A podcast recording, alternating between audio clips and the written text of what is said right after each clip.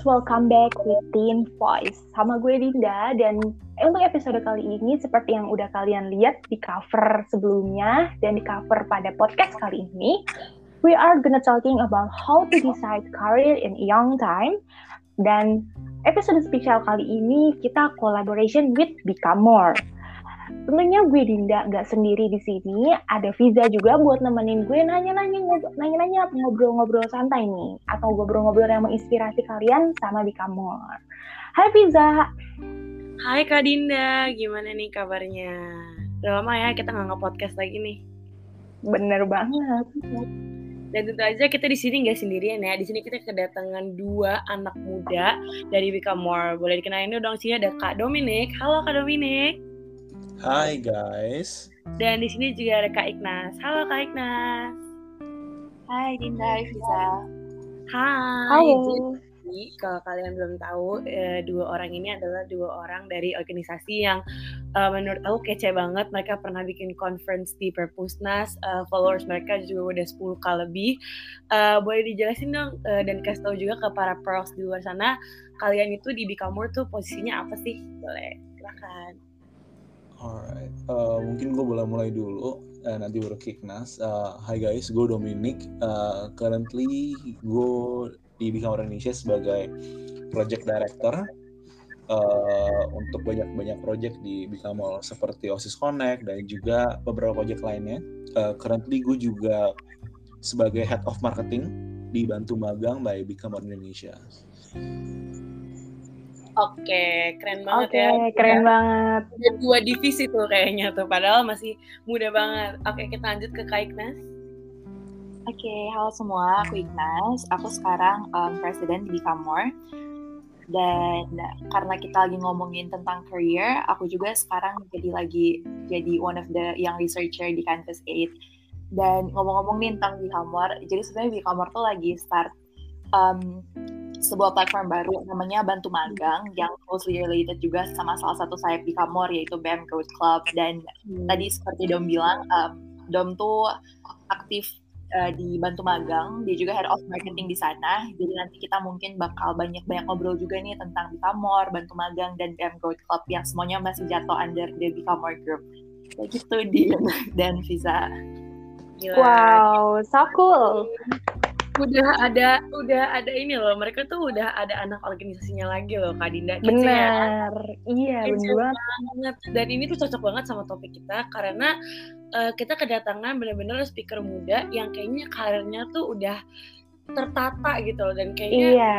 banget. Jadi kita makin penasaran gak sih? Kita langsung aja ke topiknya ya gak sih benar banget. Kayaknya kita udah nggak sabar nih untuk pengen tahu apa sih rahasia dari mereka berdua ini sampai bisa ngebentuk karir mereka dari usia muda yang bisa dibilang udah cemerlang karena mereka udah punya anak perusahaan, let's say kayak gitu. Betul. Oke. Okay. Silakan Kak Dinda. Thank you. Jadi sebenarnya kita pengen tahu, kita pengen tahu nih Kak, berkarir di usia muda itu is not easy karena di Indonesia masih punya perspektif kalau masyarakat Indonesia bilang kalau anak muda bisa apa sih kalau kalau dia ngomong gak didengar dan bertindak pun diabaikan kayak gitu. Nah um, biasanya pandangan-pandangan masyarakat-masyarakat gitu ngebuat obstacle, khususnya obstacle untuk kita anak muda yang teens atau yang masih teens untuk berkarir, khususnya berkarir dari tangan kita sendiri. Nah, challenge-nya berkarir di dunia muda itu apa sih? Atau ada story-story yang membekas gitu? Misalnya kalian ngasih sesuatu kepada masyarakat dari perusahaan dan masyarakat yang kalian ya, kalian cuma anak kecil kayak gitu. Boleh diceritain mungkin dari Dominic dulu Uh, alright, kalau dari gue sebenarnya um, untuk memulai karir ya, apalagi uh, berpengalaman gue untuk mulai karir maupun organisasi maupun pengalaman-pengalaman gue di luar itu adalah semuanya dari uh, Bikamor ya. Jadi emang pas masuk itu ya dianggap serius banget juga enggak ya karena emang juga masih anak-anak. Tapi uh, karena dari Bikamar sendiri uh, menurut gue kita punya prinsipal yang cukup kuat yang emang uh, kita nggak empower satu sama lain lah. Uh, istilahnya di Bikamar itu kita nggak cuman uh, kita nggak cuma bekerja untuk nge-solve the problem tapi kita juga bekerja untuk uh, have fun mm-hmm. terutama itu dan juga dan punya punya pengalaman itu. Jadi uh, sedih banget kalau kita di Bikamor nih uh, ngomongin soal uh, project misalnya. Uh, kita selalu dibilangin jangan takut gagal jangan takut salah. Karena yang penting di Bikamor itu selain kita ngebangun komunitas uh, kita ngebantu uh, growth uh, tim sekitar kita tapi juga untuk growth kita sendiri gitu loh. Jadi emang pas awalnya it seems uh, rada silly ya oke. Okay? tapi as times go uh, orang-orang juga ngeliat gitu value yang kita berikan. Karena dari semua kegagalan yang dilalui Bikamor kita juga punya sebuah solusi baru sebuah pelajaran baru yang kita bisa bawa ke project depannya juga gitu loh. Kayak aku bisa contoh mungkin student conference yang udah ada dari uh, sebelum pandemi sampai melewati pandemi. Kita selalu belajar cara-cara baru untuk nge-up skill conference tersebut gitu loh. Bahkan sampai uh, kita akhirnya offline lagi waktu tahun 2023 ini. Gitu sih kalau dari aku. Oke, okay, berarti kita jangan takut. Pasti kesalahan ada tapi kita jangan takut untuk berbuat salah karena dari salah itu kita bakal dikasih berjuta makna untuk bisa ngelakuin hal yang lebih baik di depannya. Kayak gitu ya apalagi ya lagi Bikamor dengan sudah menduduki peringkat yang cukup cukup tinggi pasti sebelumnya ada background background yang membentuk sampai dia ada ada di atas sana. Kalau dari Kak Ignas kayak gimana? Um, kalau dari aku mungkin challenge berkarir di dunia muda itu um, aku ngerasa kayak sometimes tuh anak muda itu um, sering ya tadi yang kalian sempat mention kayak sering agak mm-hmm. tidak bisa gitu. Dan even um, jadi itu ada suatu konsep gitu tentang youth involvement. Namanya ladder of participation. Aku lupa nama judulnya apa. Tapi tuh pokoknya mereka bilang kalau kadang tuh anak muda tuh sering um, diajak gitu untuk tiga hal yaitu manipulation, decoration, and tokenism. Dan ini kayak mungkin kedengarannya agak ekstrim ya kayak apa? Apaan tuh? Tokenism. Jadi itu um, ini tuh ide kalau kadang tuh kita kayak suka diajak nih um, ikut acara-acara tapi cuma um, sebagai apa ya kayak pemenuh kursi gitu dan supaya um, acara tersebut tuh dilihat sebagai oh acara ini tuh um, include anak muda loh. Oh acara ini didukung oleh anak muda loh. Oh acara ini milenial banget loh. Dan kayak um, ya kita sering banget lah kayak ngeliat ini gitu. Dan I think salah satu challenge um, berkarir atau involvement sebagai anak muda tuh um, hal-hal seperti ini tuh masih sering banget kita lihat. Dan ada banyak pihak gitu yang mungkin nge-invite anak muda tuh untuk um, yang ini tadi gitu. Padahal aku ngerasa kayak our involvement tuh is actually so much more than that gitu. Dan kayak we actually have so much to offer loh.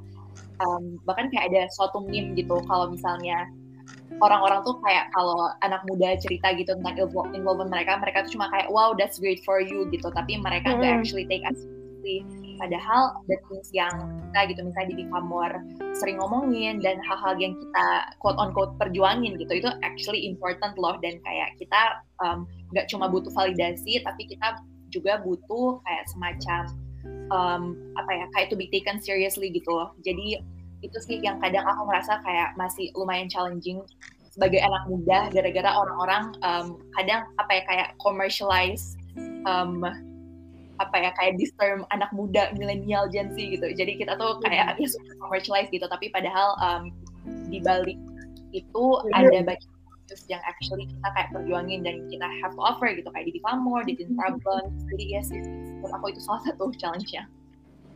Hmm. wow yes benar I'm really relate with it. Bener Gavies ya bener sih. Bener aku banget. setuju banget. Hmm. oke okay, uh, lanjut ke pertanyaan berikutnya ya. Jadi aku mau tanya nih, tadi kan Kak Dominic udah bahas juga tuh kalau di Kamur tuh udah ngelewatin tantangan uh, mulai dari pandemi sampai selesai udah balik lagi gitu loh. Aku tuh mau tanya gimana sih caranya bertahan dari tantangan yang ada. Karena aku yakin uh, pasti nggak gampang untuk ngelewatin hal itu. Cuman apa sih yang bikin di kamu tuh uh, tetap bertahan gitu? Dan juga tetap termotivasi untuk uh, meneruskan dan juga ngelewatin masa-masa pandemi itu. Boleh dong ceritain um, dari Kak Dominic oke. Okay. Oke, uh, sebenarnya ya kalau misalnya ngomongin masalah, menurut gua itu masalah tuh sesuatu yang bakal selalu ada. Uh, it's Hmm. inevitable kalau misalnya kita selalu bakal punya masalah, bahkan di Become More, uh, kita bakal punya masalah. Banyak either banget ya dong masalahnya. Iya, banyak banget emang. Either secara finansial, Pasti, pasti, pasti, secara administratif, either secara tim member kita, masalah menurut kita tuh selalu bakal ada. Tapi yang paling penting menurut gua at least dalam selama tiga tahun gua di Become Indonesia itu adalah pilih masalah yang kita bakal enjoy at the end of the day. Hmm. Pilih masalah yang kita bakal suka nge-solve-nya gitu. Jadi istilahnya kayak uh, pilihlah masalah yang kalian mau mencoba, uh, kalian uh, suka bereksperimen dengan masalah-masalah ini. Karena uh, masalah ini bakal datang no matter what. Jadi the Hmm. question is itu always apakah kalian bakal enjoy masalah ini atau enggak gitu loh. Dan di Bikamor kita juga punya pilihan nih. Kita mau menghandle masalah kayak apa. Contohnya kalau dari aku sendiri, aku selama tiga tahun terakhir ngebantuin Bikamor dalam uh, bagian dana atau sponsorship maupun partnership kita itu adalah masalah yang gue enjoy gitu loh mungkin nggak semua orang enjoy gitu nge-handle partnership nyari duit nggak semua orang mungkin suka mungkin ada yang lebih suka uh, ke community building ngobrol- ngobrol-ngobrol sama orang gitu loh. Jadi uh, I think the key itu di Bikamor kita bisa ngelihat problem apa sih yang gue mau solve problem apa sih yang gue suka. Uh, karena kalau kalian misalnya join organisasi atau mau mulai berkarir gitu ya Hmm.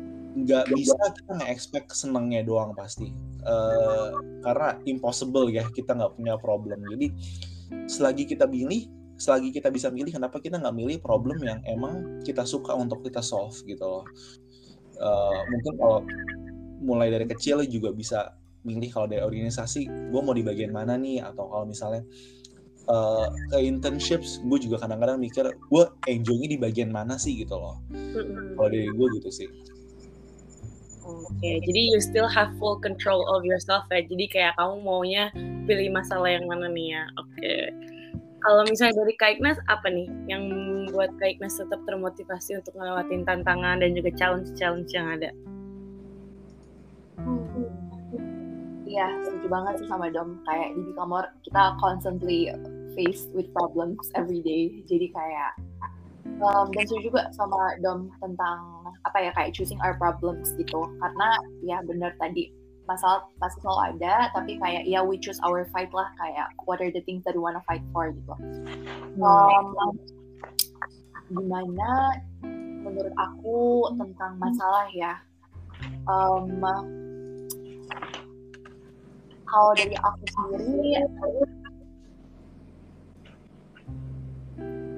kita tuh di Bikamor sering banget refleksi tentang everything dan I think um, salah satunya tuh di masalah-masalah ini kita sering banget refleksi tentang how do we wanna deal with these problems um, dan kayak masalahnya tuh ini sebenarnya tentang apa sih karena banyak banget ya uh, masalah-masalah yang datang dan kadang kita tuh suka lupa um, what are actually the root cause of this issue gitu. Kadang kita kayak cuma mau try to solve to surface level aja.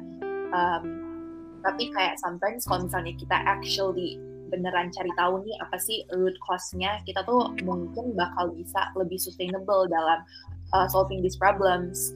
Dan ya sih, I think kayak sustain- sustainability itu is a really important part dan um, one of our ways juga cara untuk kita bertahan dari um, yang tadi kalian mention tentang isu, ada banyak issues kayak pandemic itu tuh constantly changing sih Hmm. kayak kita tuh di Bikamor kita tuh sering banget tanya ke our audience kayak apa sih yang masih relevan buat lo? Um, what is it that you need from us? Kayak how can Bikamor help? Karena essentially Bikamor kan is here untuk help young people di kayak Hmm, self hmm, self growth journey kan. Jadi yang paling penting itu sebenarnya what our audi- audience needs gitu. Dan kita tuh um, cara kita ngehandle things itu kita selalu balik lagi ke our audience.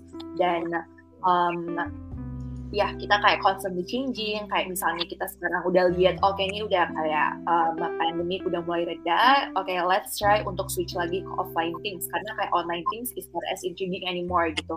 Jadi hmm. kayak um, berani untuk selalu beradaptasi berani untuk sama sama refleksi sih cara kita ngehandle masalah I feel like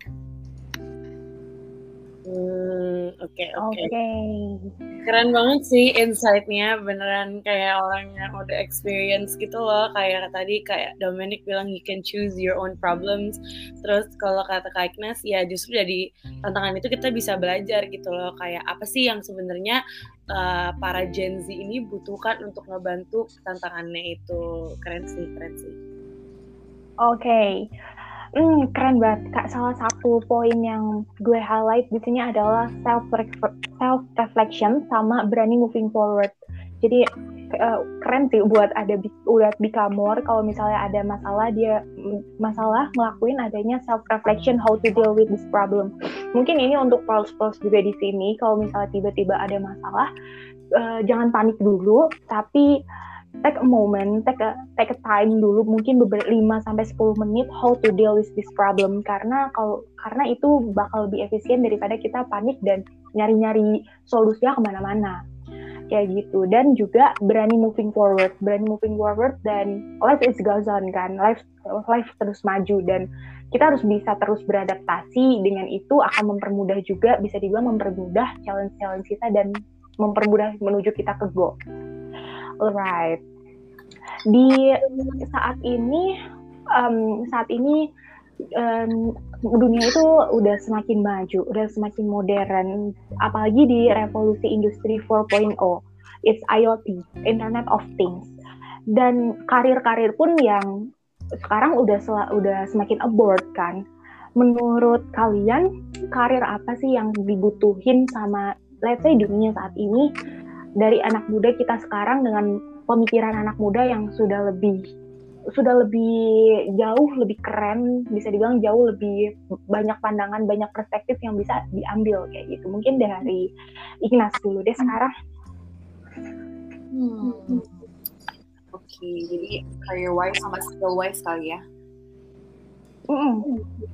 um, I think kalau career mungkin Dom lebih um, bisa jawabin hence pengalaman-pengalamannya. Tapi okay. misalnya skill wise, um, jadi oh aku kayaknya tadi lupa mention ya pas aku uh, perkenalan. Tapi actually I'm still in high school. Um, dan kayak I feel like um, kan aku kan sekarang emang lagi um, kayak working juga as a researcher tadi di Campus 8. Mereka tuh kayak semacam um, apa ya kayak customer insight agency yang kayak based di London sama Singapore sama New York I think kalau salah tapi um, I feel like kayak when faced with other peers yang kayak older than me gitu dan kayak um, apa ya kadang tuh kita kan suka kayak insecure gitu kayak oh my god um, am I qualified for this actually gitu. Um, tapi menurut aku the three skills yang kayak make apa yang kayak um, bikin aku bertahan gitu sampai sekarang itu tuh mm -hmm. pertama tadi refleksi yang aku udah mention. Kayak anything that I do aku selalu reflect on it. Terus kedua itu tuh problem solving. No actually yang kedua itu critical thinking. Jadi kayak mm -hmm. um, ya yeah, able to be just kayak think critically in every situation. Terus yang terakhir itu problem solving jadi kayak skill wise, I think these are the three most important things ya. Kayak reflecting, um, critical thinking, and problem solving. And I feel like um, the journey might be different for everyone. Tapi um, for me personally, being able to master these three skills dan aku belum master it juga sebenarnya tapi kayak being able to kind of get the grasp of these three skills aku ngerasa aku kayak bisa survive many things sih yang um, I go through every day dan kayak a lot of issues that um, I see in my life kayak once I face it using these three methods itu um, pasti kayak bisa aja gitu ke solve jadi ya it's like skill wise itu tiga skill yang menurut aku penting banget. Whatever industry you are on whatever major you are on whatever career that you wanna take um, kayak do learn these three skills gitu. Ya mungkin um, Dom bisa nambah ini untuk bagian oke. Okay. kalau dari Ignas tadi mungkin skillnya ya, skill yang bisa ngebuat karir kita bertahan itu ada tiga, reflections, critical thinking, and problem solving is the wise and survive many things untuk mendo untuk mendukung adanya karir saat ini. Nah mungkin sekarang dari Dom, uh, karir apa aja nih yang dibutuhin? Can you tell us? Alright, uh, mungkin sebelum gue ngomongin karir, gue uh, inform dulu ke listeners dan juga kalian kalau gue ini uh, eh, gue backgroundnya marketing ya. Karena gue kuliah juga di Monash University. My background itu uh, majoring in marketing and uh, analytics di data. Uh, gue juga pernah magang di beberapa perusahaan yang emang fokusnya ke marketing. Ada di PwC uh, atau PricewaterhouseCoopers konsultan uh, juga di sekolahmu dan juga di Glints di Singapore dari semua hal yang aku lewatin ini, aku bisa for sure bilang bahwa data is gonna be the future uh, for everything that we do, uh, especially things that involves uh, mau business kayak mau engineering, uh, data tuh bakal sangat relevan ke depannya.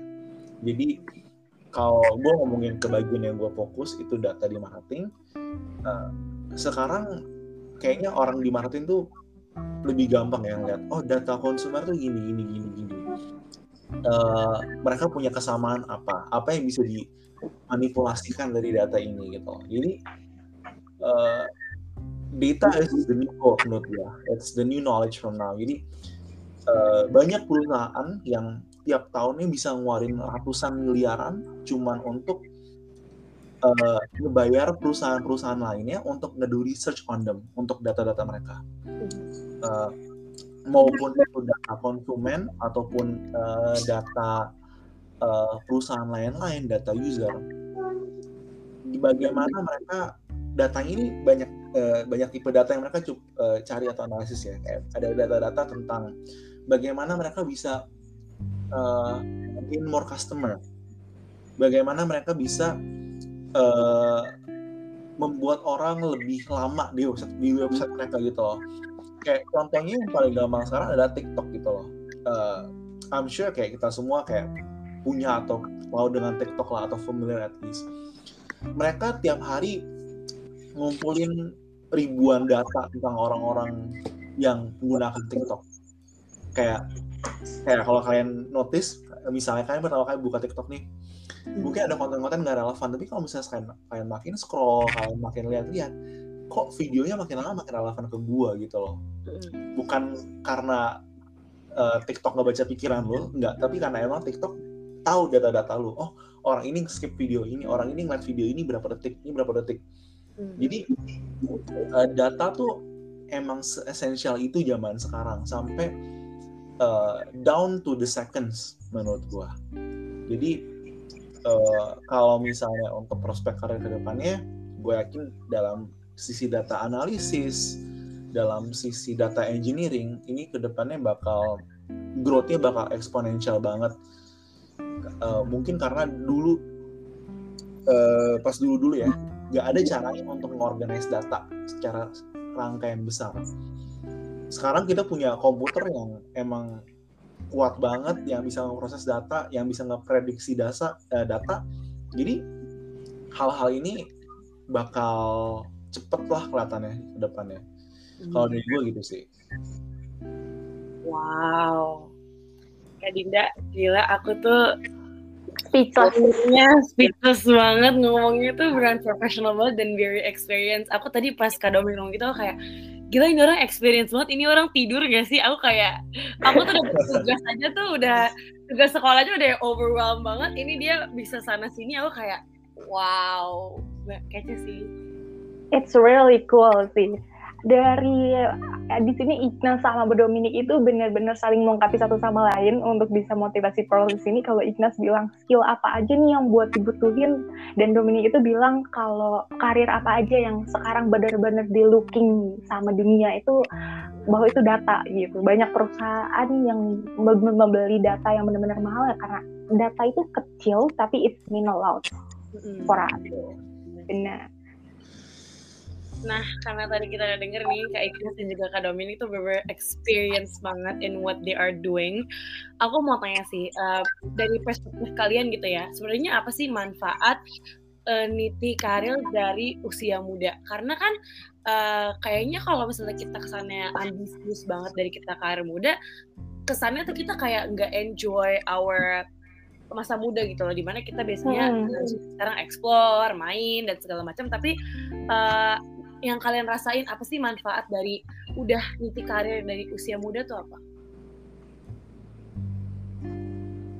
Boleh siapa aja duluan? Oke, okay. mungkin gue boleh ambil dulu, nggak apa-apa. Uh, jadi sebenarnya ya, kalau misalnya dibilang karir muda, uh, nggak berarti kita juga nggak have fun lah. Iya, yeah, pasti of course uh, uh, pada teens wajarnya. Gue juga uh, lagi kuliah di luar negeri sekarang. Uh, ya menurut gue first of all it's important menurut gue untuk enjoy the time we have now gitu loh. Karena hmm. masa-masa kuliah kita SMA eh, nggak uh, bakal pulang dua kali.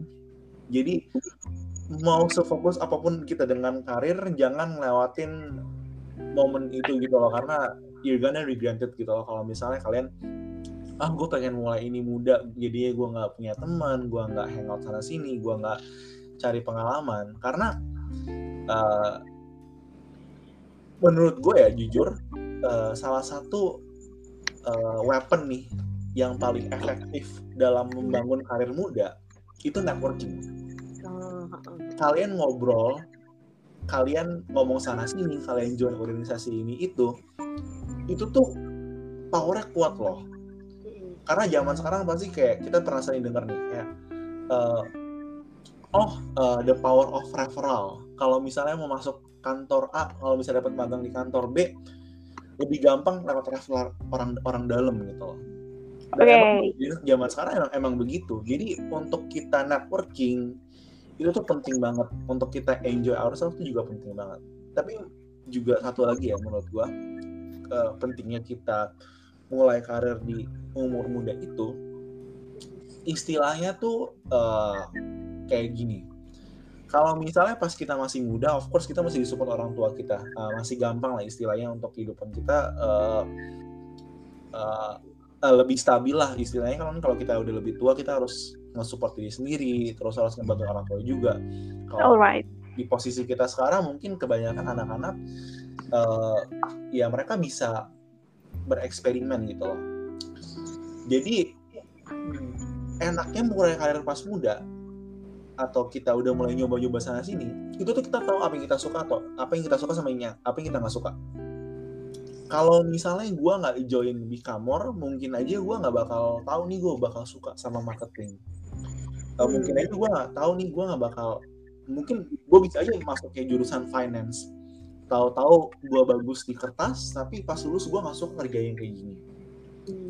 Karena kita bisa aja uh, nyoba-nyoba nanti tapi bakal lebih susah dari kitanya gitu loh. Kalau kita nyoba dari awal kan kita gampang taunya. Oh kayaknya gue suka nih kalau kerja gini gini gini gini gitu loh. Mungkin on paper kalian udah tahu ngapain tapi kan kalau kalian lakuin lagi itu beda pasti menurut gue itu benefit paling gede. Kalian bisa tahu oh gue sebenarnya nggak suka nih di bagian ini gue nggak suka di bagian ini. Karena banyak banget dari teman-teman gue sendiri ya dan juga mungkin uh, dari orang-orang di Bikamor yang nge-find their passion tuh ngelewatin hal-hal seperti ini. Mereka kerja dulu mereka lihat apa yang gue suka apa yang gue nggak suka dari situ mereka bisa nentuin oh kayaknya ke depannya gue mau ambil ini. Of course uh, ini nggak jadi penentu akhir ya nggak nggak nggak nggak selalu kayak oh karena gue kerja karena karena gue suka di bagian ini gue bakal suka sebelum gue nggak selalu. Tapi kayak ini tuh nggak bantu banget untuk ngebentuk mindset kita ke depannya. Biar kita nggak salah masuk lubang juga. Karena kalau kita udah kuliah udah udah sampai tahun terakhir terus ujung-ujung kita nggak suka kerjanya itu lebih berat lagi lebih susah lagi untuk gali lubang keluarnya gitu jadi while we have the time juga kita masih kuliah masih bisa bereksperimen coba coba coba dikit-dikit kenapa enggak kalau misalnya kita nggak suka bisa kita tinggalin dong kalau misalnya kita suka kita lanjutin nggak apa menurut gue gitu sih Hmm.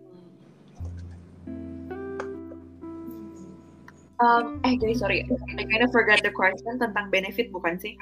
Ya, benefit uh, mengikuti karir dari masa muda. How about you, Ignas? I think I agree I just see with Dom tentang um, network, terus juga experience. Mungkin one, one, one other thing that I want to highlight too is about self-discovery. Karena, yeah, we discover a lot about ourselves throughout this journey. Dan kayak, um, yeah, sih, kayak we just um, we just learn more about ourselves and kayak what is it that we like, what is it that we want to do, dan throughout this whole process, ya yeah, we might find kayak things yang apa yang kayak bikin kita burn out, terus juga um, it just gives you kayak real life experience. Dan um, iya sih tapi kayak um, I just agree with what Dom said. Dan ya tiga hal itu yang menurut aku benefit paling utamanya sih experience self discovery and network and money if you kayak if you need to. Still ya. Punya punya punya allowance yeah, actually, yang punya uang yang kita dapat sendiri. Uh, masih muda tuh itu enak banget rasanya. Itu self satisfaction yeah. juga nggak sih? Yeah. And self confidence juga ya. Iya ngerti ngerti. Um, apa ya? Kayak I feel like this is not being talked a lot, tapi um, I mean kayak mungkin ini surface level banget ya kayak oke okay, wow money gitu. Um, tapi sebenarnya tuh kayak money um, for me ya um, it definitely opens up a lot of opportunities dan kayak it gives you more independence. Dan um, karena um, jadi by the way I started um, working itu kayak working part time kayak doing freelancing itu sejak aku kayak kelas satu ke kelas 2 SMA jadi itu I started my career um, di agency um, ada suatu agency lah gitu. Dan kayak ever since that karena aku udah ngerasa um, lebih financial independent aku tuh bisa do stuff yang kayak liburan and apa ya kayak ya just like free to do whatever I want gitu with my own money karena um, ya I'm the one who owns it gitu. Dan aku ngerasa ini um, lumayan banyak self discovery process juga sih yang kayak happen to you once you have um, tadi the network the experience and juga kayak ya other benefits like monetary benefits tapi ya. Yeah. itu sih wow. Keren banget keren banget sih benar. Um, enaknya berkarir di di usia muda itu ya salah satunya kita masih di develop di develop parent jadi kita bisa lebih explore dan di satu sisi lain kita dapat financial independent sendiri dan itu memberikan beberapa keuntungan untuk kita khususnya. And now this is gonna be our last questions is it bagaimana cara menanamkan mindset dan patience untuk remaja untuk remaja-remaja lainnya saat ini dalam berkarir dan memulai mencobanya untuk terjun ke dunia yang kalian atau yang kita lagi cimpungin gitu. Mungkin dari Dom. Hmm, sorry, pertanyaannya gimana tadi? Um, benar-benar.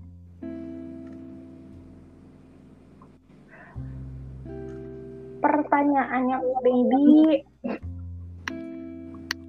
Ya untuk kita karena ini waktunya udah mepet jadi kita langsung aja deh untuk ke pertanyaannya kita reach up biar ke simpelnya tuh gimana sih cara ngasih kesan pesan ke anak muda untuk dia bisa starting in the career yang indika ini yang karir gitu. Dan pesan-kesan yang bisa diberi untuk mereka kayak gitu.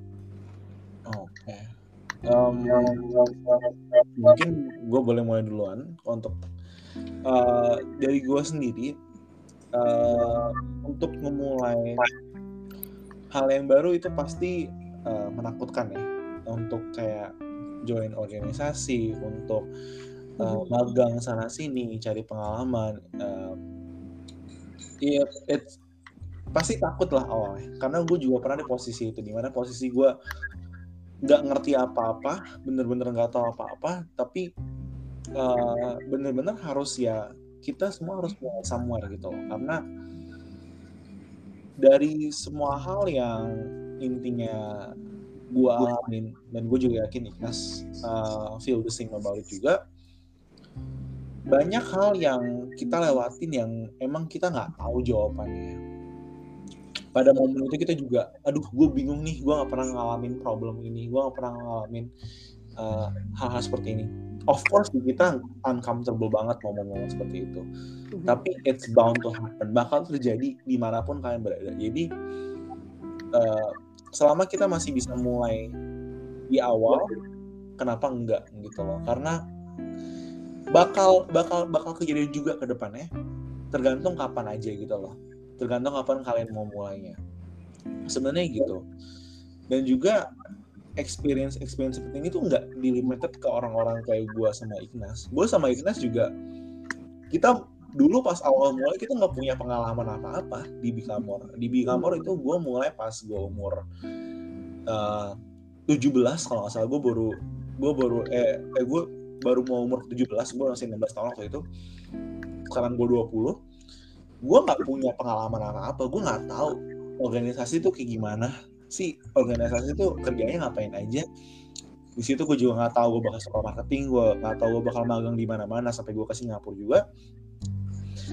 Tapi selama proses itu kita belajar. Kita uh, lihat progres dari kita dari diri kita sendiri juga gitu loh. So menurut gue awalnya jangan takut mulai aja.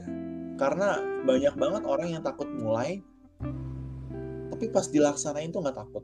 Pas dilaksanain tuh wah udah cuma gini doang gitu loh. Karena biasanya kan kalau kita dari awal kita udah wah kita ngelihat problemnya banyak nih. Tapi kita nggak pernah coba nih untuk actually ngejarin problemnya satu persatu. Itu uh, personally yang gue alamin ya.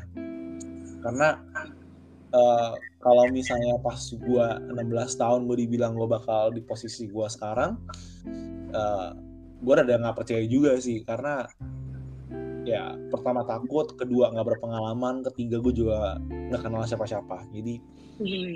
selalu get out of your comfort zone. It's okay. You gonna fail. Kayak kita bakal gagal. Nih uh, kenapa nggak gagal pas kita lebih muda? Kenapa nggak gagal lebih awal karena we're all gonna fail we're all gonna uh, feel down about this. Uh, kita juga sering banget masih kita juga masih sering ngerasa kayak gini. Kenapa nggak kita alamin pas muda biar kita bisa belajar ke depannya? Biar kita bisa lebih cepat berkembangnya. Karena eh, nggak uh, ada salahnya juga kan kita mulai, mulai lebih awal kalau emang kita punya waktunya kita punya tenaganya dan kita punya energi ataupun environmentnya menurut gue gitu sih Oke, okay, kalau dari Ignas gimana? Ya, aku um, ya I agree pretty much sama what Dom said. Aku mau tambahin dikit aja. Um, I especially agree of, of, tentang failures. Jadi tuh um, there's this thing in psychology namanya tuh hedonic adaptation. And kayak the idea about that is that um, jadi tuh kayak tubuh kita atau pikiran kita tuh ada suatu mekanisme sistem di mana semua hal yang baik dan buruk tuh kayak we tend to neutralize it. Kayak misalnya I didn't get um, into my dream school gitu misalnya. Jadi kayak this hedonic adaptation itu bakal work so that I will be okay. Kayak gue bakal convince myself that ya udah it's okay. Kayak I have other schools I have other things to do my values are worth more than this one um, letter of acceptance gitu.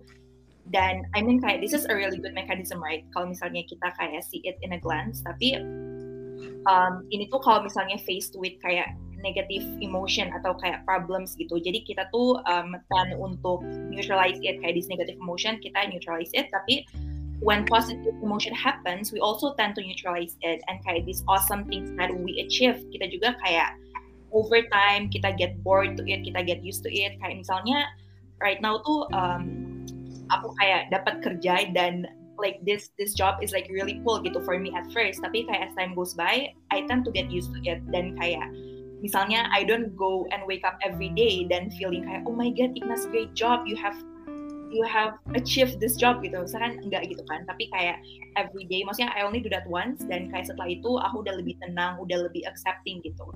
Dan what's sad about this is that we actually tend to apa ya untuk kayak dramatize all our emotion gitu without knowing that hedonic adaptation exists and therefore when we take risk kita tuh sering takut banget bahwa kita tuh bakal sedih banget bahwa um, misalnya aku ikut um, kompetisi X dan aku gagal dan aku dilihat semua orang and I'm gonna be so ashamed of it gitu.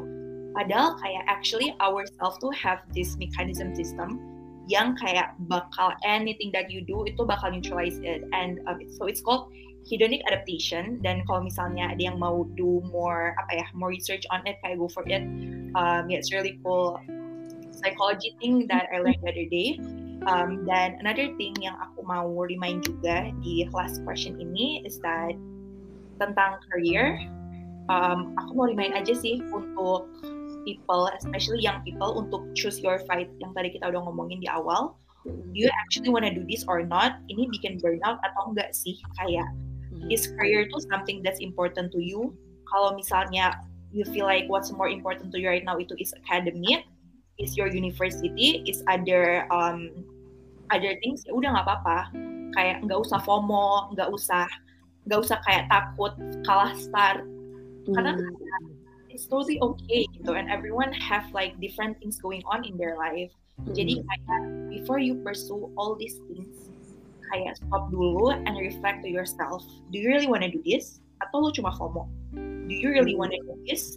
Atau lo kayak cuma takut aja gitu ketinggalan start? Karena uh, we need to actually understand what we want in life dan um, if you feel like you have the time, if you have the capacity, if you have the energy for this, ya udah go for it tapi if you don't kayak nggak apa-apa banget juga gitu. And kayak kita kadang suka lupa itu dan kita kadang suka akhirnya ngambil too many responsibilities that sometimes we cannot even take. Dan ya I mean kayak we're still young. Dan kayak mungkin gue sama Dom dari tadi ngomongin ini gitu. Um, oh and actually one more thing that um, gue mau bilang ini gue lupa bilang stuff mulu tapi I'm homeschooled. Jadi oh. I actually have the time to do this and I know that not everyone have the time to do it and it's okay. Jadi kayak apa ya um, fokus on your own path aja kali ya. Ya fokus on your own path. It's important untuk kita kayak mulai mencoba dan ingat untuk berkarir tapi it's more important to understand what it is that we need. Dan gak semua orang butuh hal yang sama. Mungkin I'm doing this karena um, ya kayak aku um, kayak the the industry that I'm I wanna go into emang butuh experience beforehand. That's why kayak I'm already doing all this working stuff on an early age tapi kalaupun enggak ya ya udah nggak apa-apa kayak ya sih um, reflect dulu aja kalau misalnya kalian beneran butuh atau kalian cuma FOMO dan jangan sampai kalian jadi um, apa sih namanya kayak um, productivity ya yeah, things like that jadi kayak mm -hmm. aja sih untuk itu Oh, gila kece banget ya. Wow. Dari mereka benar-benar fit into uh, kamus-kamus Gen Z gak sih yang FOMO terus juga jadi toxic productivity karena emang berdampak besar banget ya bagi kita sebelumnya thank you so much nih uh, buat Kak Dominic dan juga Kak Ignas yang udah nyempetin waktu buat ngobrol-ngobrol sama kita di sini. Aku sama Kak, aku yakin banget aku sama Kak Dinda dapat insight banyak yeah. banget kalian berdua kece banget. Uh, thank you banget udah nyempetin waktu buat main ke sini ya dan juga ngobrol-ngobrol sama Pers tapi sayangnya waktu kita sudah habis kita harus bertemu di lain waktu. Tapi uh, sekali lagi aku mau bilang makasih banget atas semua pesan-pesannya. Ya yeah, see you on the next episode. Bye bye guys. Bye bye